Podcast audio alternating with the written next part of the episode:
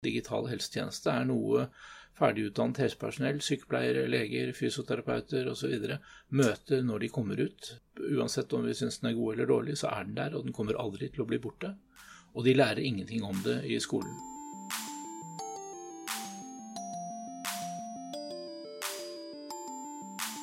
Hei og velkommen til en ny episode av Sykepleiens podkast. Denne gangen skal det handle om digitale helsetjenester. Mye kan digitaliseres, og allerede så finnes det flere hundre fullstendig papirløse sykehus rundt omkring i verden, men ikke i Norge. På noen felt har vi kommet langt, men som du snart skal få høre, så finnes det dem som har kommet mye, mye lenger. Stemmen du hørte innledningsvis, den tilhører Hans Nilsen Hauge, som har et litt annet evangelium å forkynne enn sin berømte tipp-tipp-oldefar ved samme navn. Hauge er utdannet lege og har jobbet med e-helse i mange år, og i ulike sammenhenger. Nå har han samlet mange av sine erfaringer og sin kunnskap på feltet i boka Den digitale helsetjenesten. Her gis det en bred innføring i fenomenet, i historikken, i dagens situasjon, utfordringer og muligheter. Hauge definerer seg selv som helt klart en optimist når det gjelder hva digitaliseringen kan bety for norsk helsevesen, og han mener vi vil kunne øke både pasientsikkerhet, kvalitet og effektivitet. Vi tok en prat med forfatteren og spurte først hvorfor han mente det var behov for en sånn bok akkurat nå. Det ene og viktigste er at eh, det i alle profesjonene for eh, helsetjenesten ikke finnes utdanning om digital helsetjeneste. Digital helsetjeneste er noe ferdigutdannet helsepersonell, sykepleiere, leger, fysioterapeuter osv. møter når de kommer ut. Uansett om vi syns den er god eller dårlig, så er den der, og den kommer aldri til å bli borte. Og de lærer ingenting om det i skolen. Det er en alvorlig mangel. Så var det så slik at jeg satt med i utredningen av én innbygger, én journal, og etter to års arbeide med e-helse på et uh, nivå som gjorde det slik at vi kunne skrive en svær rapport på mange tusen sider, når vi ser på alle delrapportene, så har jeg aldri kunnet mer om e-helse, selv om jeg har jobbet med det i 25 år. Og jeg og flere rundt meg syns at det var behov for faktisk å lage en lærebok om dette for helsepersonell. I øyeblikket så er vi inne i en fase der utviklingen går fort, og der helsepersonell vil merke store forandringer på de digitale tjenestene i helsetjenesten i de nærmeste årene. Og da er det godt at man er forberedt på det. Og boken min er et forsøk på å bidra til dette. Vi pleier å tro når vi hører på politikere og andre, at Norge ligger veldig godt an i en digital helsetjeneste. På noen områder er det riktig. Dvs. Si at hvis man ser på utbredelsen av eh, systemer, eh, hvor mange bruker digitale systemer i sin hverdag til dokumentasjon og til eh, si, arbeidsfunksjoner, så ligger vi veldig godt an. Norske fastleger var kanskje de som raskest i verden kom eh, på en heldigital eh, hverdag, dvs. Si at de sluttet med papirjournaler. Eh, men de har fortsatt mye på papir, og en undersøkelse viste at selv om vi har den største utbredelsen av datasystemer hos fastleger, tilnærmet 100% så er norske fastleger de i Europa som i minst grad bruker datafunksjonene. Så de bruker systemene sine sånn som vi brukte de gamle papirjournalene. Og det er nok ikke så heldig. Når det gjelder spesialisthelsetjenesten, og særlig kanskje når det gjelder kommunikasjon mellom de forskjellige nivåene i helsetjenesten, slik som vi møter det mellom primærhelsetjeneste, sykehjem, sykehus og mellom sykehus imellom, så ligger vi veldig dårlig an. Og Dvs. Si at vi har digital røntgen, vi har uh, masse flotte systemer inne i sykehusene våre. Men de er ikke satt i sammenheng, og de gir ikke grunnlag for de viktige funksjonene som vi ser har forandret helsetjenesten de stedene hvor det er innført, nemlig beslutningsstøtte og prosessstøtte i stor grad. På den måten kan vi altså si at vi har brukt mye penger på IT, og vi eh, har en stor utbredelse av maskiner og stasjoner og sånt noe. Men vi har dårlig bruk av de systemene, og det skyldes i stor grad at systemene i seg selv ikke er gode nok sammenlignet med hva som faktisk finnes i markedet utenfor Norge. For hva, hva finnes der ute? Du eh, skriver i eh, innledningen at Norge ligger etter land som både Spania og Danmark og Frankrike, Estland. Ja. Hva har de gjort som ikke vi eh, har klart å få til? Det har nok klart å rette fokus mer på hvilke funksjoner man ønsker at helsepersonell skal ha, og pasienter skal ha, enn å se på systemene i seg selv.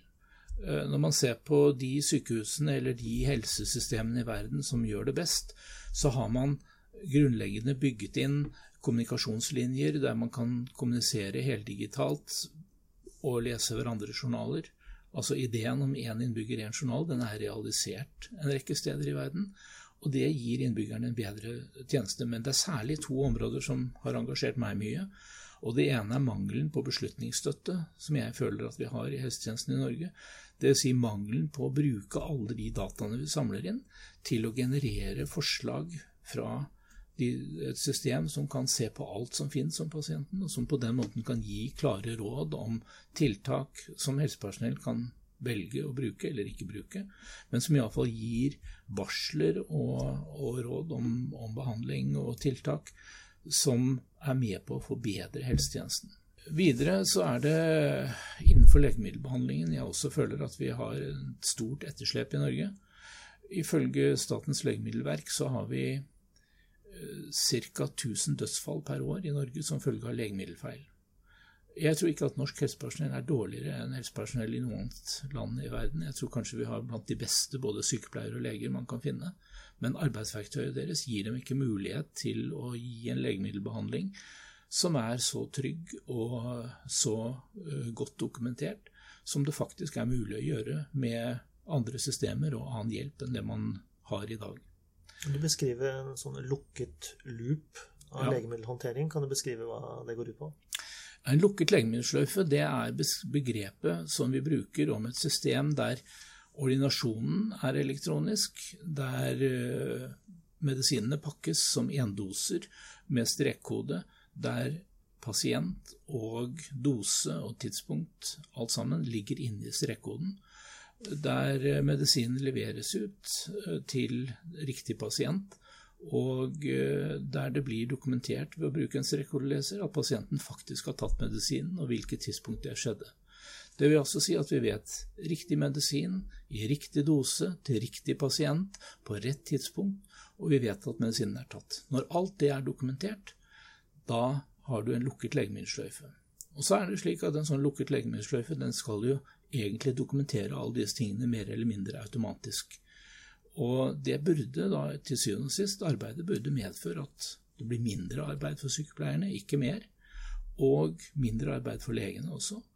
Og hele arbeidsprosessen er støttet av beslutningsstøtte som gir deg varsel dersom du gir voksne doser til barn, eller dersom du gir for høye doser til pasienter som har nyresvikt, og mange av de andre tingene som vi vet kan påvirke medikamentell behandling både i og utenfor sykehus. Og Sånne sløyfer er jo en realitet ved mange sykehus. Ja. Du har besøkt? Jeg har besøkt flere sykehus som har dette innbakt, og har hatt det i mange år. Og resultatene av innføring av sånne sløyfer har vist at man eh, har kunnet ta ned antallet legemiddelfeil som fører til død, f.eks., med ca. 50 og eh, man kan redusere en del av de feilene som gir forlenget sykehusopphold og forlenget uh, lidelse for pasienter, slik at kvaliteten blir veldig mye bedre.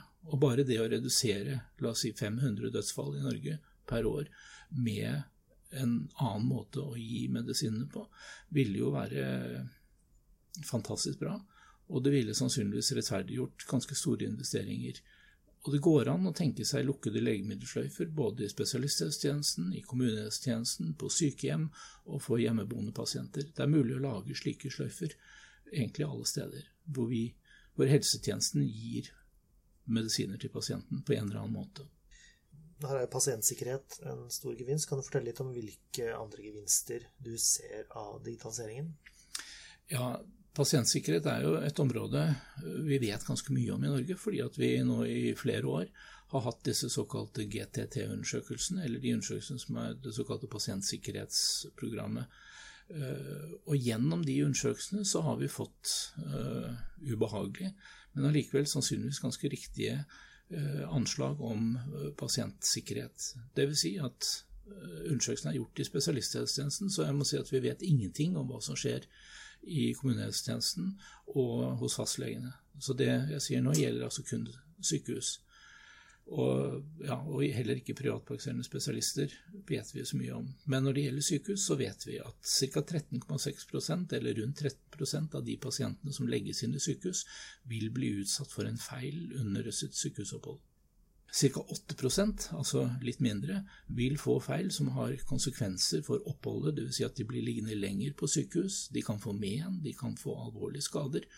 Og i noen tilfeller så fører det til at folk dør. Eh, hvor mange som dør nøyaktig, vet vi ikke, men vi vet at anslaget skulle tilsi at 3000-4000 mennesker per år dør i Norge som følge av feil eh, begått av helsepersonell. Og Jeg tror ikke det er feil som er begått fordi at helsepersonell er dårlig, men det vi egentlig ser i disse undersøkelsene, det er hvor god eller godt et system kan bli manuelt og uten datastøtte. Og så ser vi da at når man innfører f.eks. en uh, stor Eh, og velutviklet beslutningsstøtte som gir varsler om mange ting, og hjelper helsepersonell til å fatte riktige beslutninger med varsler osv., så, videre, så vil man altså kunne redusere dødeligheten betydelig, kanskje 50% og hvis vi klarte det, så ville vi spart mange menneskeliv hvert år, og mye lidelse. Og så er det en ting som folk kanskje ikke syns er så viktig, men det er viktig å huske på at det dyreste vi gjør i helsetjenesten, det er faktisk å behandle de feilene vi har begått. Og øh, hvis vi da tenker på alle ekstra liggedøgn og alle innleggelser og all lidelse som kommer som følge av feilbehandling, øh, så kan vi si at øh, det er ganske dramatisk store ting. Og vi kan tenke at det som da ville bli frigjort av plass ved at vi gjorde mindre feil, ville sannsynligvis tatt hånd om alle ventelistene våre og alt vi ellers tenker oss av kapasitetsproblemer fordi at vi ville brukt mindre tid på å reparere det som er galt. Men kan man ikke også bli mer sårbar hvis man samler veldig mye informasjon på få systemer? En tastefeil legges inn der, så vil det jo kunne få potensielt betydning for veldig mange pasienter, heller enn at enkeltfeil får betydning for én og én pasient. Ja, jeg er nok ikke enig i det. Jeg, for det første så tror jeg redselen for de store databasene den Eh, kan man selvsagt ta se på historien i Norge sånn som den er i øyeblikket, med nylige eh, fataliteter i, eh, i Helse Sør-Øst som et eksempel, så tenker jeg at det er klart at da er det lett å bli skremt. Men hvis man snakker med de som virkelig er eksperter på databaser og samling av store datamengder, så er det klart at hvis vi tenker oss et system i dag hvor vi kanskje har helsedata i rundt 50 000 databaser i Norge, kanskje flere. Eh, og vi hadde samlet dette ned i et mye mindre antall, kanskje noen få i hver region, eller noe sånt noe. Så er sikkerheten som ligger i de databasene vi har i dag, den er til dels ikke tilstedeværende, eller veldig dårlig. Eh, I store nasjonale databaser ville det vært fullt mulig å bygge veldig gode sikkerhetstiltak rundt, og man kunne til og med lukke systemene for eh, alt det som man kanskje går og engster seg for med hacker og inntrenging og sånt noe, i mye større grad enn det går an å lukke disse 50 000 systemene som står rundt omkring på legekontor og tannlegekontor og rundt på sykehusavdelinger osv., og, som har veldig dårlig beskyttelse. Så min oppfatning er at med gode systemer så ville man få større sikkerhet og ikke mindre sikkerhet. Er du en udelt optimist når det gjelder hva digitaliseringen kan medføre? Ja, jeg er nok det som mange vil si er en optimist. fordi at jeg har vært så heldig at jeg har fått lov til å reise litt og se på sykehus hvor, hvor, det faktisk fungerer veldig bra. Og jeg har sett at helsepersonell blir veldig tilfreds med å jobbe med gode systemer. De ser at rutinearbeid og registreringsarbeid og sånt nå blir automatisert. De får mer tid med pasientene, og ikke mindre. I det, den situasjonen vi befinner oss i Norge, så bruker helsepersonell altfor mye tid på registrering av data som kunne ha vært registrert automatisk hvis systemene hadde tillatt det. Når systemene ikke gjør det, så må vi fortsette å registrere. Og det som er problemet med vårt system, som det er i øyeblikket, det er at vi fører masse ting dobbelt og tredobbelt og firedobbelt. Vi spør pasientene om de samme tingene gang på gang, og vi skriver ned de samme tingene, dels på papir og dels på data. Og vi fører kurvene våre ut til sykehusavdelingene på de aller fleste sykehusavdelingene i Norge fortsatt på papir, og kan ikke gjenbruke dataene til å utvikle f.eks. beslutningsstøtte og prosessstøtte som kunne ha hjulpet helsepersonell til en bedre helsetjeneste. Så jeg er optimist. Optimist betyr at man, man har kanskje en overdreven tro på fremtiden. Men faktum er at uh, det jeg skriver om og snakker om, det er ting som fins. Det er utviklet, og det er egentlig litt skam, syns jeg, at vi ikke er kommet lenger i Norge. På mange områder er Norge helt i front internasjonalt når det gjelder digitalisering. Ingen av oss er særlig redd for å bruke bankkortet vårt eller bestille en flybillett på nett eller sette oss opp i et fly. Og vi vet at flysikkerheten ble veldig mye bedre gjennom digitalisering av eh, arbeidsrutiner og sånt nå. Vi ville kunne hente mange av de samme gevinstene i helsetjenesten hvis vi faktisk gjorde dette fullt ut. Og vi kommer til å gjøre det, for det finnes ingen vei utenom. Det finnes mm. ingen vei tilbake til papirdokumentasjon. Og vi må ut av den dårlige dokumentasjonssituasjonen vi er i dag, med systemer som ikke klarer å gi oss den hjelpen som vi ser at man får andre steder i verden. Det finnes en skala som uh, vurderer modenheten i bruk av IKT i sykehus. Det kalles for MRAM-score, og driftes av en amerikansk uh, organisasjon som er uh, uten profitt, og som arbeider for å forbedre Eh, sykehusene rundt omkring i verden, det er rett og slett å klassifisere dem. Vi har gjort to sånne klassifiseringer i Norge, én i Helse Sør-Øst og én i Helse Midt-Norge, før de begynte sitt anskaffelsesprosjekt. Begge undersøkelsene ble gjort i årene mellom 2011 og 2013. Og Norge ligger på, eller De to undersøkelsene viser at Helse Sør-Øst og Helse Midt-Norge ligger på stadium 2 på denne skalaen. Det er ingenting som har skjedd etterpå som egentlig har forandret det bildet. Men det man måler, er altså ikke hvilke systemer man har inne i sykehusene, men man måler hvordan helsepersonell bruker IT-systemene som finnes der, til å bli øh, si, bedre i bruken og hente ut gevinster. Øh, på det nivået som vi ligger på i Norge, på stadium 2, så har vi ingen økonomiske gevinster av å bruke IT, snarere tvert imot. Og vi har ingen kliniske gevinster av det, fordi vi understøtter ikke helsetjenestens behov for hjelp fra IT-systemene i en særlig grad. Så vi ligger på en ganske trist plass, der det ikke kommer nytte, og der vi ikke får noe igjen for pengene vi investerer. Det betyr ikke at vi kunne gå tilbake til papir, men det betyr at vi er kommet for kort i forhold til der gevinstene finnes. Gevinstene de kommer økonomisk sett vanligvis fra stadium 3-4 og oppover. Da begynner sykehusene å få mer igjen ved å spare tid og mer effektive og bedre kliniske resultater. Og de beste, som da er på stage 7, eller på stadium 7, det er de heldigitale sykehusene som ikke har noe papir i sine arbeidsprosesser, der alle arbeidsprosesser er digitale, foregår på data, der det ikke sendes papir til noen, men alle arbeidsprosessene er tilgjengelige, informasjonen er tilgjengelig, og den brukes til øh, beslutningsstøtte, slik at man har et fullt utviklet beslutningssystem. Man må ha en lukket legemiddelsløyfe øh, for å kunne komme på dette stadiet, og alle arbeidsprosesser i sykehuset må være digitalt organisert. Når man er inspektør på et sånt sykehus, så går man rundt og leter etter papir for å se etter om de prøver å lure oss på det. Og jeg har vært på flere sånne sykehus som da har kommet på stage 7, og vært en av dommerne for det. Og det er helt fantastisk å se et sykehus der det ikke lenger finnes papir. Og det er fullt mulig. Og de første sykehusene i verden som kom dit, de var, det var sannsynligvis rundt 2005-2006. Og denne skalaen hadde de første på stage 7 fra 2009, men noen var kanskje der tidligere. Mens vi i Norge har Mitt inntrykk er at vi nesten har mer papir nå enn vi noen gang har hatt, selv om vi ikke har papirjournalene lenger. Så vi har et stykke vei igjen å gå, men det er fantastisk morsomt å komme til et sted der papiret er borte, og der alle folk får den informasjonen de skal ha umiddelbart, uten å måtte vente på noen ting, og der arbeidsprosessene er organisert slik at alle vet hva de skal gjøre, og pasientene kan få en klar formening om hvordan deres behandling skal være helt fra start. Hva skjer med et sånt sykehus hvis inspektørene finner noen gule lapper på en eh, PC-skjerm med beskjed til nestemann på vakt? Ja, da er man ikke på 7. Så da mister man den muligheten, da, og det må du betale litt for. For de betaler jo oss som kommer og er dommere og ser på det. og det er jo man er jo ute etter prestisjen, men man er selvsagt det som driver sykehusene til å arbeide mot et sånt mål. Det er jo ønsket om å være et godt sykehus. Og det er ikke mulig i dag med, vanlige, med papirrutiner og sånn som vi er på stadium 2, å oppnå de beste kliniske resultatene. Er det noe i arbeidet med denne boken, eller med din uh, reise rundt til andre land og sykehus som har gitt deg en skikkelig wow-opplevelse av hva det er mulig å få til?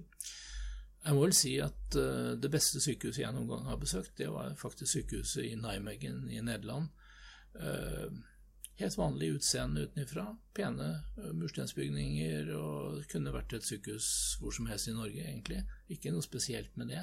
Men når du kommer inn og møter personalet og ser hvordan de har organisert arbeidet sitt, og ser hvordan pasientene behandles, og hvordan papiret er borte, og hvordan medikamentene gis på forsvarlig måte best mulig, og hvordan alle arbeidsprosesser er helt digitalisert, så tenkte jeg umiddelbart hvis jeg noen gang blir syk, så måtte det være et sykehus jeg gjerne skulle legges inn på. Så det er vel kanskje den sterkeste wow-opplevelsen jeg har hatt i forhold til dette, og tenkte at jeg skulle ønske at vi kom dit i Norge, at vi kunne begynne å sammenligne oss med slike sykehus.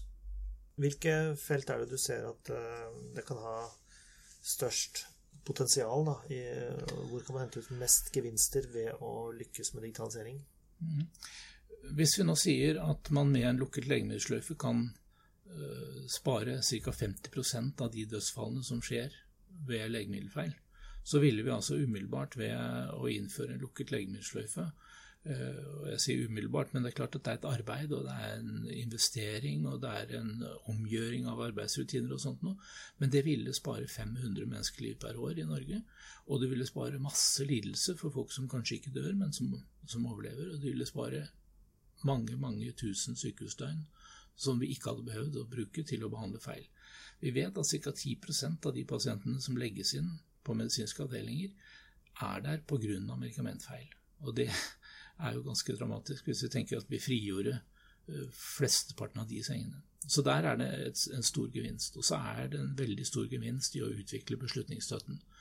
Den støtten som kan fortelle en sykepleier på en intensivavdeling at nå ser det ut som pasienten er i ferd med å utvikle sepsis, kanskje tre-fire-fem timer før tegnene blir synlige klinisk. Og så kan man komme i gang med behandlingen. Hvordan ville da dette systemet kunne ja, vil... Eh, hva skal vi si, avdekke sepsis i veldig tidlig fase?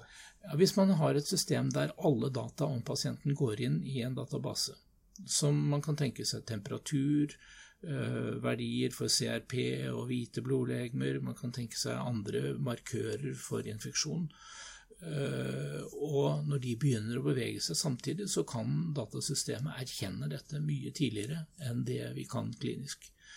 Og kanskje temperaturen ikke går opp mer enn en halv grad, eller kanskje 0,1, eller noe sånt, men når det skjer samtidig med en rekke andre, så kan det medføre at det utløses et varsel til helsepersonell om at nå er tiden inne for å begynne å undersøke om ikke pasienten skal ha en behandling.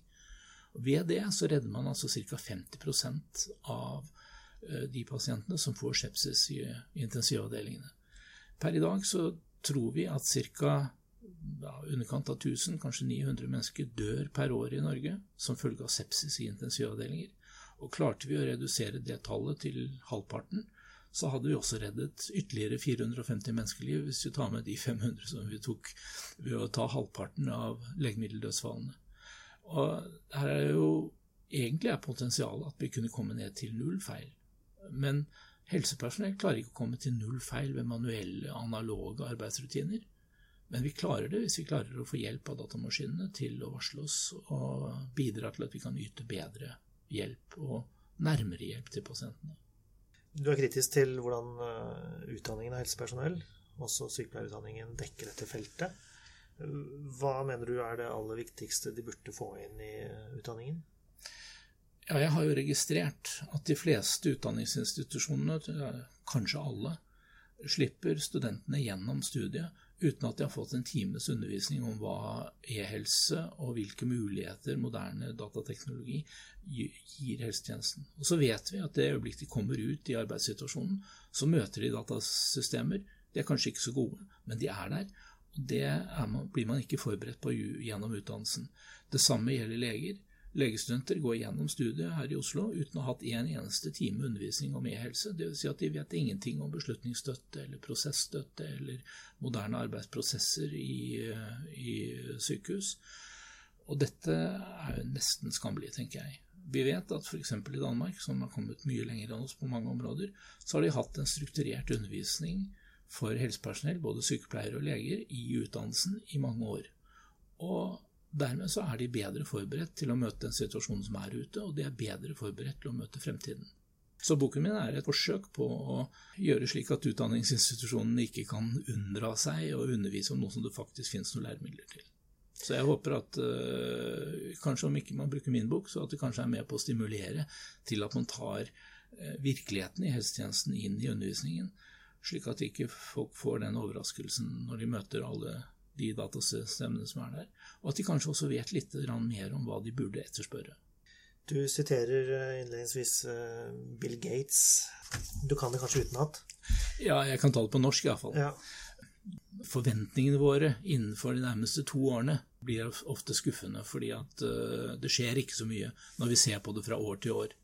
Men vi mister ofte de store forandringene som skjer i løpet av ti år. Og hvis vi ikke klarer å opprettholde troen på at det faktisk kommer til å skje dramatiske ting i løpet av ti år, ja, så kan vi tenke oss å unndra oss for oss å gjøre de tingene som er nødvendig.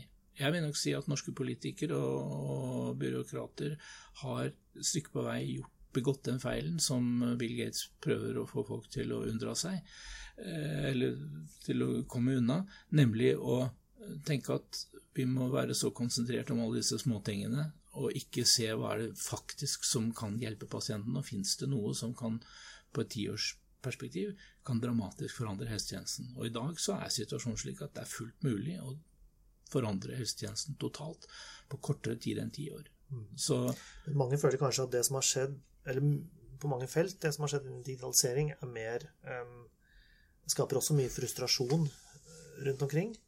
Um, skyldes det den fasen vi er i? Ja, jeg tror det skyldes mye den fasen vi befinner oss i. Vi ser ikke at IT-verktøyene som vi har, egentlig bidrar til noen forbedring. Eh, de bare bidrar til ekstra arbeid og masse registrering og masse unødig arbeid som for helsepersonell ofte virker eh, meningsløst, istedenfor at de skulle være et aktivt verktøy som kan gi oss råd, opplæring, Eh, bidra til at vi tar riktigere og bedre beslutninger, hjelper oss til å se ting i hverdagen som vi kanskje ikke klarer å se selv, men som maskinene kan hjelpe oss til å oppdage. Og jeg tror at vi blir bedre helsepersonell når vi får bedre systemer. Fordi vi ser at det vi gjør, faktisk hjelper bedre, og vi slipper å arbeide med de tingene som ofte bekymrer oss alle sammen. Ingen liker å se mennesker lide, og ingen liker å se folk dø som kanskje ikke skulle ha dødd. Og jeg tror vi kommer til å nå det, og forhåpentligvis mens jeg ennå er i live også, så vi får se. Hvis du skal kikke inn i krystallkulen, hvordan vil en sykepleiers hverdag kunne være forandret i Norge om ti år? Jeg er så sterk optimist at jeg tror at vi har innført én innbygger, i én journal i løpet av ti år. Da ville hjemmesykepleien vite hva som skjedde med pasienten på sykehus, og man ville føre inn pasientens medikasjon Eh, når han eller hun skrives ut av eh, sykehuset, eh, slik at den var tilgjengelig i samme øyeblikk som pasienten reiste for hjemmesykepleien, og de ville vite at de kunne stole på den informasjonen som var der, slik at de slapp å gjøre alle de sikkerhetstiltakene som de gjør i dag, og slippe å ta alle telefonene for å finne ut hva som feilte, eller hva som, hvilken medikasjon og behandling pasienten skulle ha som oppfølging osv.